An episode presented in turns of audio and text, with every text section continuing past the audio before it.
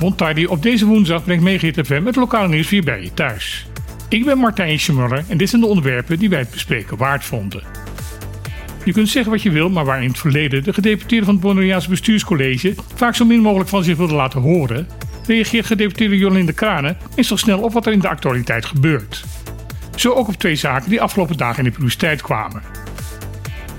Eind vorige week werd het bekend dat de rechter een dikke streep heeft gezet door de verordening van de rioolwaterheffing.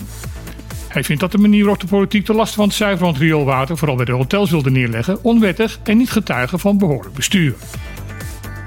Kranen reageert hierop in een verklaring dat de OLP de mogelijkheid heeft om tegen het vonnis in beroep te gaan, maar dat ze er de voorkeur aan geeft om met de betrokken partij in gesprek te gaan om er gezamenlijk uit te komen. Afgelopen maandag kwam de pressiegroep Airport Tax Busters Bonaire met zware kritiek op de visitor entry tax die een jaar geleden is ingevoerd. De groep zegt dat aan deze belasting een nodige te verbeteren valt en dat ondanks de belofte van het vorige bestuurscollege dit nog steeds niet is gebeurd. Een dag later wordt ook daar door Kraan op gereageerd. Ze zegt dat het OLB momenteel met verschillende stakeholders hierover in overleg is. De evaluatiepunten die er vorig jaar al naar boven zijn gekomen worden daarbij meegenomen. Wat jammer is dat ze in beide gevallen geen tijdspad of planning aangeeft hoe het proces verder zal gaan verlopen. Rijksambtenaren van het ministerie van Volksgezondheid, Welzijn en Sport zeggen het verzet uit Bonaire tegen de sluiting van het medisch laboratorium Bonlab spuugzat te zijn. Dat is duidelijk geworden uit documenten die via de wet openbaar bestuur zijn opgevraagd. Uit de papieren blijkt dat de ambtelijke top van het ministerie het laboratorium al tien jaar geleden wilde sluiten. Volgens hen zijn twee laboratoria Bonaire kosttechnisch niet te verdedigen. Tegen dat standpunt is door het OLB, de eigenaar van Bonlab, altijd fel geprotesteerd omdat de zaak zich blijft voortslepen, blijkt de bereidheid om er nog energie in te steken niet heel groot te zijn in Den Haag. De insteek van de ambtenaren van VWS blijft dat Bonlab gesloten moet gaan worden, omdat het te duur zou zijn. Zeer verrassend dat de collega's van het ministerie van Financiën kort geleden tot een andere conclusie kwamen.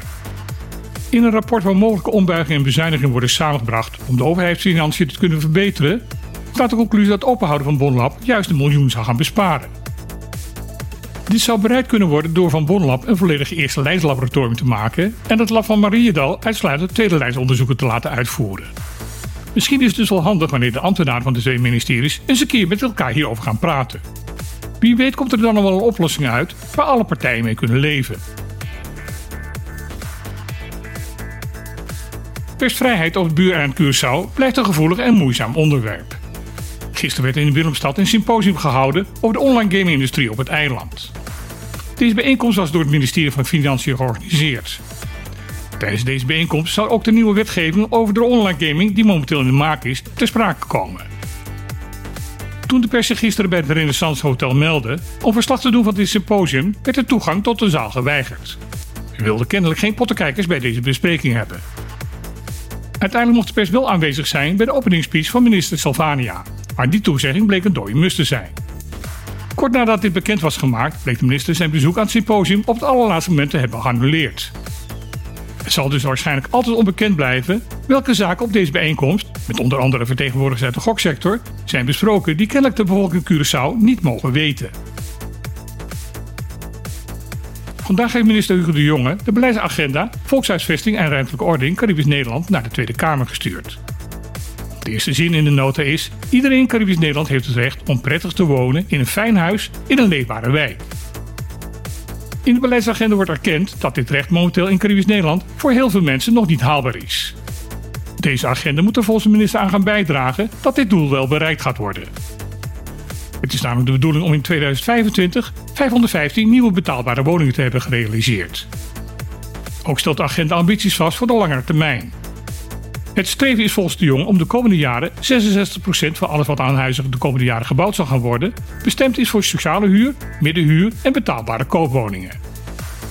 De beleidsagenda is bedoeld voor een periode tot 2030 en zal na het zomerreces in de Tweede Kamer behandeld gaan worden. Dit was weer het lokale nieuws op Megahit FM. Ik wens iedereen vandaag veel woongenot toe en dan heel graag weer. Tot morgen.